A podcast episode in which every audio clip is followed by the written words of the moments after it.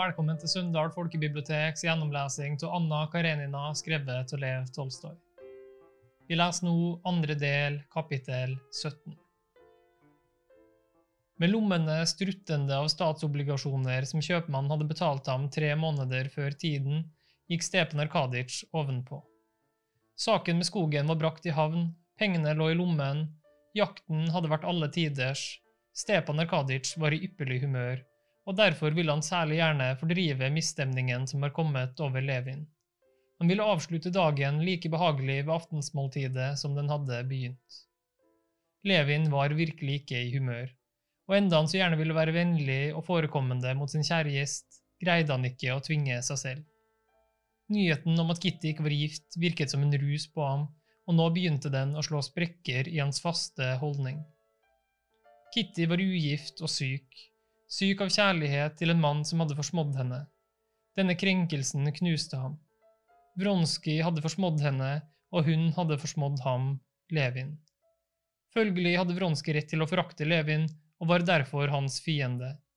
Men alt dette var ikke noe som Levin tenkte.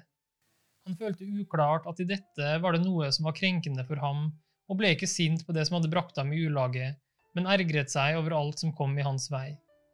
Den tåpelige skoghandelen, bedrageriet som Oblonskij hadde bitt på, og som hadde skjedd i hans hus, irriterte ham.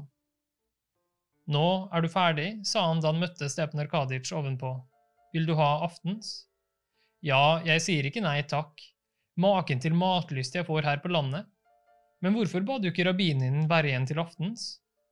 Æsj, pokker ta ham. Men hvordan er det du behandler ham? sa Oblonskij. Du ga ham ikke hånden engang.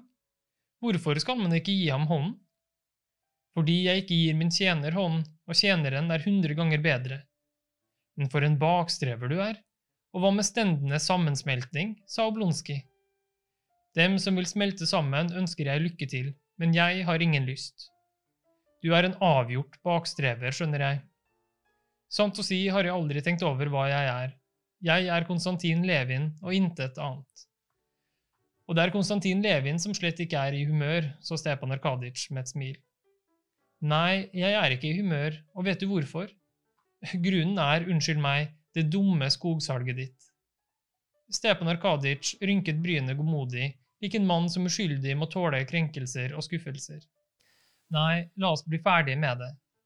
Når har det hendt at en som har solgt noe, ikke har fått høre like efter handelen det var mye mer verdt? Men når du skal selge, er det ingen som byr deg mer? Nei, jeg skjønner du har et horn i siden til denne stakkars rabbinen. Det har jeg kanskje, ja. Og vet du hvorfor? Du vil kanskje gjenta at jeg er en bakstrever eller noe som er enda verre, men det er allikevel sårt å se adelsstanden forarmes på alle kanter, den stand jeg tilhører og som jeg, all sammensmeltning av stedene til tross, er meget glad over å tilhøre, og den forarmes ikke på grunn av sin luksus, da skulle jeg ikke si noe, å leve som herremenn er adelens sak, og det er det bare adelsmennene som kan. Nå kjøper bøndene opp jorden rundt oss, det gjør meg ikke noe. Adelsmannen bestiller ingenting, bonden strever og fortrenger en yrkesløs mann, slik må det være. Og jeg gleder meg virkelig på bondens vegne, men det er sårt å se denne forarmelsen som adelen. Jeg vet ikke hvordan jeg skal få sagt det, liksom ikke har noen skyld i. Her har en polsk forpakter kjøpt et vidunderlig gods til halv pris av en frue som bor i Nizza, her får en kjøpmann forpakte jord til en rubel desiatin, enda den er verdt ti rubler. Her har du uten noen som helst grunn forært denne svindleren 30 000. Å jaså, jeg skulle telle hvert tre, kanskje? Så absolutt. Nå talte ikke du, men det gjorde rabbinen. Rabbinins barn vil ha penger nok til å leve av og gå på skole for, men det vil kanskje dine mangle. Ja, du får unnskylde meg, men det er noe ynkelig i denne tellingen. Vi har våre gjøremål, de har sine, og de må ha fortjeneste. Men forresten er saken avgjort. Ferdig med den. Men se, der har vi speilegg, selve yndlingsretten min, og Agafia Misjailovna vil servere oss denne vidunderlige urtelikøren. Stepan Arkadic satte seg til bordet og begynte å spase med Agafia Misjailovna. Slik aftensmat var det lenge siden sist han hadde spist, forsikret han. Ja, de roser da maten i alle fall, sa Agafia Misjailovna, men Konstantin Dmitrij, ham kan du servere hva du vil, gjerne en brødskorpe. Han spiser den og går. Hvor mye enn Levin anstrengte seg for å bli herre over seg selv, så var han like dyster og fåmælt. Det var et spørsmål han måtte stille Stepan Arkadic, men han kunne ikke bestemme seg og fant ingen passende form eller beleilig tidspunkt. Stepan Arkadic var alt gått ned til sitt eget værelse, hadde kledd av seg, vasket seg enda en gang, svøpt seg inn i sin pliserte nattskjorte og gått til sengs. Men Levin drøyt fremdeles i værelset hans, snakket om forskjellige småting og hadde ikke kraft nok til å stille det spørsmålet han ville.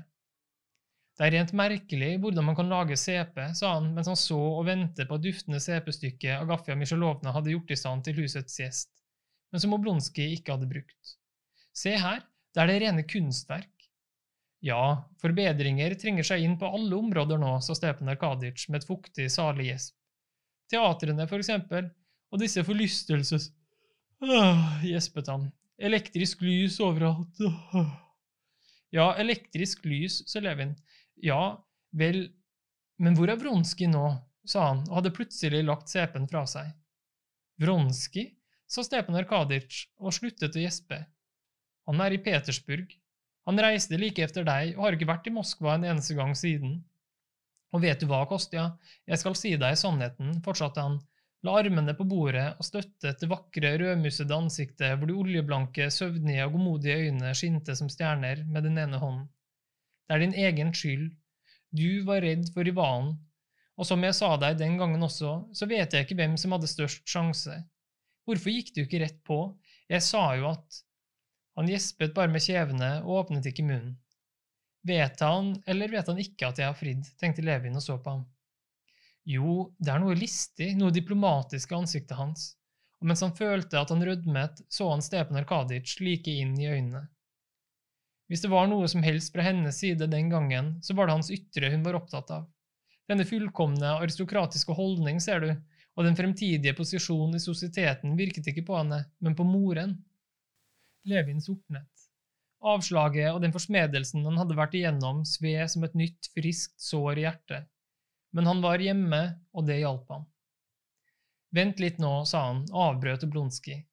Du sier aristokratiske holdning, men tillat at jeg spør, hvori består denne Vronskijs aristokratiske holdning, eller hva det nå kan være? En aristokratisk holdning som tillater ham å forakte meg? Du regner Vronskij for en aristokrat, men det gjør ikke jeg en mann med en far som har klatret opp fra bunnen ved alskens fanteri, og en mor Gud vet hvem ikke har stått i forhold til. Nei, du får ha meg unnskyldt, men aristokrater kaller jeg meg selv og folk som ligner meg, folk som kan peke tilbake på tre–fire ærlige slektsledd på dannelsens høyeste trinn. Begavelse og forstand, se det er en annen historie, som aldri har krøpet for noen eller behøvet noens hjelp. Slik levet min far, min bestefar, og jeg kjenner mange slike. Du synes det er fornedrende at jeg teller trærne i skogen, og skjenker rabbinen 30 000. Men du får leiegods av staten, og jeg vet ikke hva, men jeg som ikke får, må være glad i det jeg har arvet og strevet meg til. Vi er aristokrater, ikke de som bare må leve av almisser fra denne verdens mektige, og som lar seg kjøpe for en fattig skilling. Men hvem er det du sikter til nå? Jeg er enig med deg, sa Stepan Arkadic oppriktig og like blid, enda han følte at blant dem som var til salgs for en fattig skilling, underforsto Levin også ham. Han var oppriktig glad over at Levin nå hadde kviknet til. Hvem sikter du til? Det er mye galt i det du sier om Ronski også, men det er ikke det jeg vil ha frem. Jeg sier deg rett ut at var jeg deg, ville jeg reise sammen med meg til Moskva og… Nei, jeg vet ikke om du kjenner til det eller ikke, men det kan være det samme. Jeg skal si deg, jeg har fridd og fått nei, og Katerina Aleksandrovna er nå bare et minne som piner meg og gjør meg skamfull. Hvorfor det? For noe tøys? Men la oss ikke snakke om det. Unnskyld meg, er du snill, hvis jeg har vært grov mot deg, sa Levin. Nå da han hadde fått sagt alt, var han igjen den samme som han hadde vært om morgenen. Du er ikke sint på meg, Stiva. Vær så snill ikke å bli sint, sa han med et smil og tok hånden hans. Å nei, slett ikke, jeg har da ingen grunn til det. Jeg er glad for at vi har fått snakke ut. Og vet du hva, morgentrekket pleier å være godt. Vi skulle ikke ta en tur. Jeg ville ikke få sove likevel, og nå skal jeg reise rett fra trekket til stasjonen. Utmerket. Kapittel 18 Til tross for at hele Bronskijs indre liv var fylt av hans lidenskap, så gled hans ytre liv som før med uforminsket kraft i det gamle spor, fylt av interesser og forbindelser i selskapslivet og regimentet. Interessen for regimentet hadde en stor plass i Vronskijs liv, både fordi han holdt av regimentet, og enda mer fordi han var avholdt i regimentet. Ikke nok med at man i regimentet var glad i Vronskij, men man respekterte ham også og var stolt av ham. Stolt av at denne mannen med hans enorme formue, med hans ypperlige utdannelse og evner, og med veien åpen til alle de seirer som hans ærgjerrighet og forfengelighet måtte ønske seg, foraktet alt dette og av alle interesser i sitt liv trykket regimentets og kameratskapets interesser nærmest til sitt hjerte. Vronskij visste at kameratene betraktet ham slik, og han følte seg forpliktet til å underbygge denne meningen som hadde dannet seg om han, rent bortsett fra at han også likte dette livet. Det var en selvsagt ting at han ikke snakket med noen av kameratene om sin kjærlighet, ikke forsnakket seg i de kraftigste drikkekalasene engang. Han var forresten aldri så full at han mistet herredømmet over seg selv, stoppet munnen på de av kameratene som var lettsindige nok til å prøve seg med antydninger om hans forhold. Men enda hele byen kjente til kjærlighetsforholdet, alle hadde mer eller mindre treffende gjettet seg til forbindelsen mellom ham og fru Karenina, misunte de unge menn ham nettopp det som var det aller vanskeligste i hans kjærlighet, fru Kareninas høye stilling som stilte forholdet til skue for hele den fine verden. Størsteparten av de unge damer som misunte Anna og for lengst var lei av å høre at hun var så bra, gledet seg over det de mente å vite, og ventet bare på et omslag i den offentlige mening så det kunne falle over henne med all sin forakts fulle tyngde. De gjorde allerede i stand til de skittklumpene de skulle kaste på henne når tiden kom. De fleste litt eldre mennesker og folk i høye stillinger likte ikke at det bygget opp til en sosietetsskandale. Da Vronskys mor fikk vite om sønnens forhold, var hun til å begynne med tilfreds, for efter hennes begreper var det intet som gjorde en strålende ung mann mer fullendt enn et forhold i de høyeste kretser. Dessuten var fru Karenina, som hun hadde likt så godt, og som hadde snakket så mye om sønnen sin, når alt kom til alt, akkurat slik skikkelige og vakre kvinner skulle være efter grevinne Branskajas begreper. Men nå hadde hun nylig fått rede på at sønnen hadde sagt nei til en stilling som ville vært viktig for hans karriere, bare for å kunne bli stående i regimentet sitt hvor hun hadde anledning til å treffe fru Karenina. Hun hadde også fått vite at hans overordnede var misfornøyde med ham av den grunn, og nå skiftet hun mening. Hun likte heller ikke at efter alt det å dømme som hun hørte om dette forholdet, så var det ikke det strålende, grasiøse, mondene forhold som hun hadde kunnet billige. Det var en fortvilet verterlidenskap som kunne lokke ham til dumheter, ble det fortalt. Hun hadde ikke sett ham siden han reiste så plutselig fra Moskva, og nå ga hun ham gjennom sin eldste sønn ordre om å innfinne seg hos henne. Den eldste broren var også misfornøyd med den yngste. Han brød seg ikke om hva slags kjærlighet dette var, stor eller liten, lidenskapelig eller ikke lidenskapelig, syndig eller ikke syndig, selv hadde han barn, men sto i forhold til en danserinne, så han var tolerant på dette punktet. Men han visste at dette kjærlighetsforholdet ikke behaget de personer man måtte behage, og derfor misbilliget han brorens oppførsel. Utenom tjenesten og selskapslivet hadde Vronskij enda en beskjeftigelse – hester. Han var en lidenskapelig hesteelsker. Dette året skulle det være hinderritt for offiserer. Bronski hadde meldt seg på til rittet, hadde kjøpt en engelsk fullblodshoppe, og til tross for sin kjærlighet var han lidenskapelig opptatt av rittet, men forsto å styre seg. Disse to lidenskapene kom ikke i veien for hverandre. Tvert imot, han trengte til en beskjeftigelse og adspredelse uavhengig av kjærligheten, så han kunne komme seg og puste ut efter alle inntrykkene som gikk så sterkt inn på ham.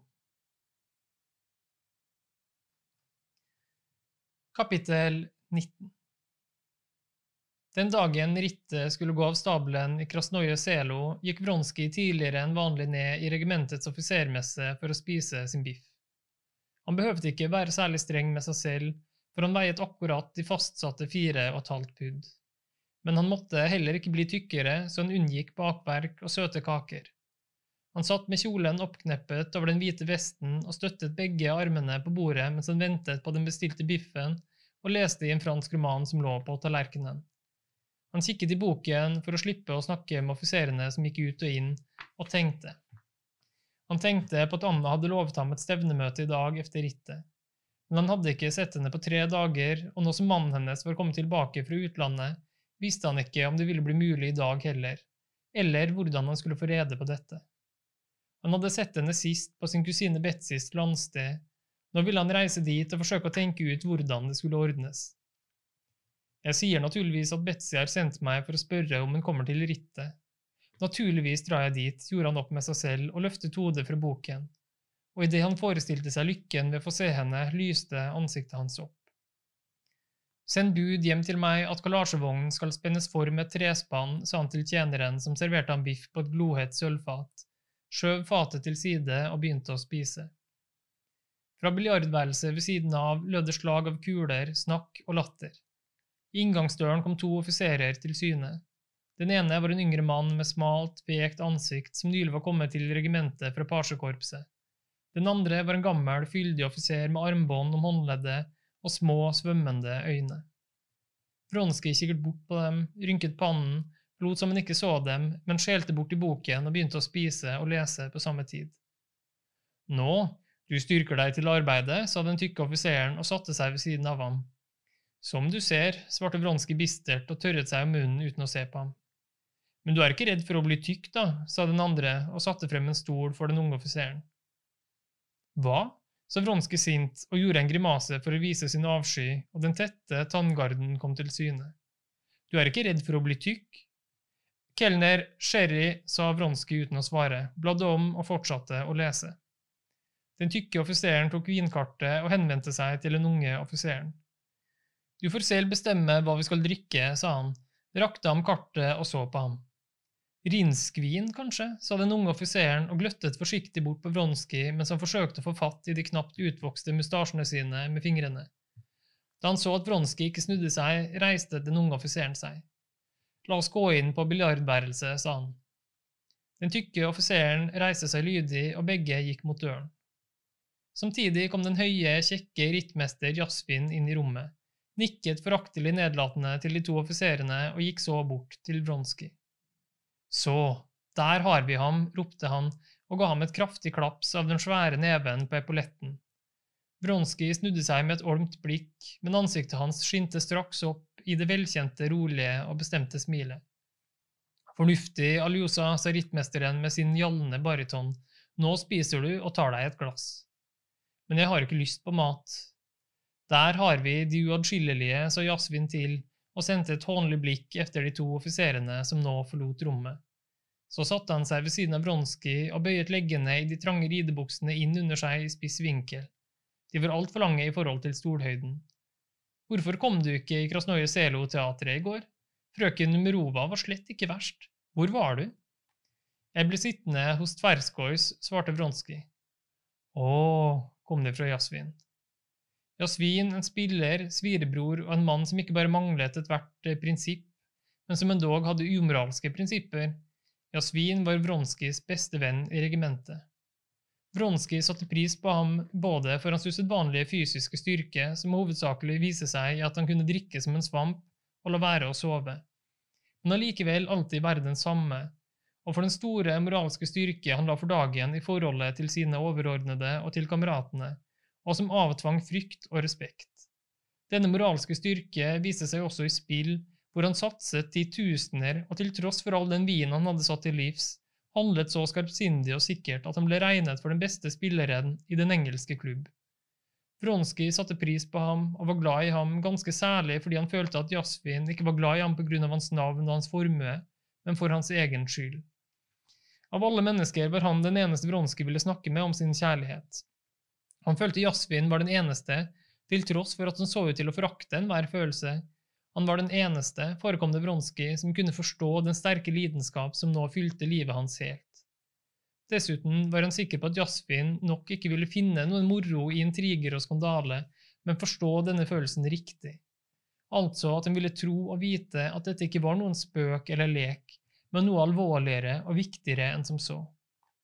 Bronskij hadde ikke talt med ham om sin kjærlighet, men han visste at han visste alt, forsto alt rett, og han likte å se dette av blikket hans. Å ja, sa han til det at Bronskij hadde vært hos Tverskois, og mens det glimtet i de sorte øynene, grep han fatt i den venstre barten og begynte av gammel uvane å trekke den inn i munnen. Nå, hva gjorde så du i går, vant du? spurte Vronskij. Åtte tusen, men tre av dem er ikke mye verdt, dem får jeg neppe. Vel, da har du råd til å tape på meg, sa Vronskij og lo. Jasvin hadde satset en stor sum på Vronskij. Intet skal få meg til å tape. Det er bare Moshota som er farlig. Og så skiftet samtalen over på gjetninger om dagens veddeløp. Noe annet kunne ikke Vronskij tenke på nå. La oss gå, jeg er ferdig, sa Vronskij, reiste seg og gikk mot døren. Jasvin reiste seg også idet han strakte ut de veldige bena og den lange ryggen sin. Det er fremdeles for tidlig å spise middag, men jeg må ha meg et glass. Jeg kommer straks. Hei, vin! Ropte han med sin dype kommandostemme som fikk rutene til å klirre. Nei, det kan være det samme, ropte han igjen like efter. Skal du hjem, blir jeg med, og han gikk sammen med Vronskij. Takk for oppmerksomheten. Oppleser var Torgeir Brun. Podkasten er produsert av Sunndal folkebibliotek ved Torgeir Brun. Det prosjektet her er støtta av Nasjonalbiblioteket, og takk til Gyllendal Norsk Forlag for bruk av deres oversettelse.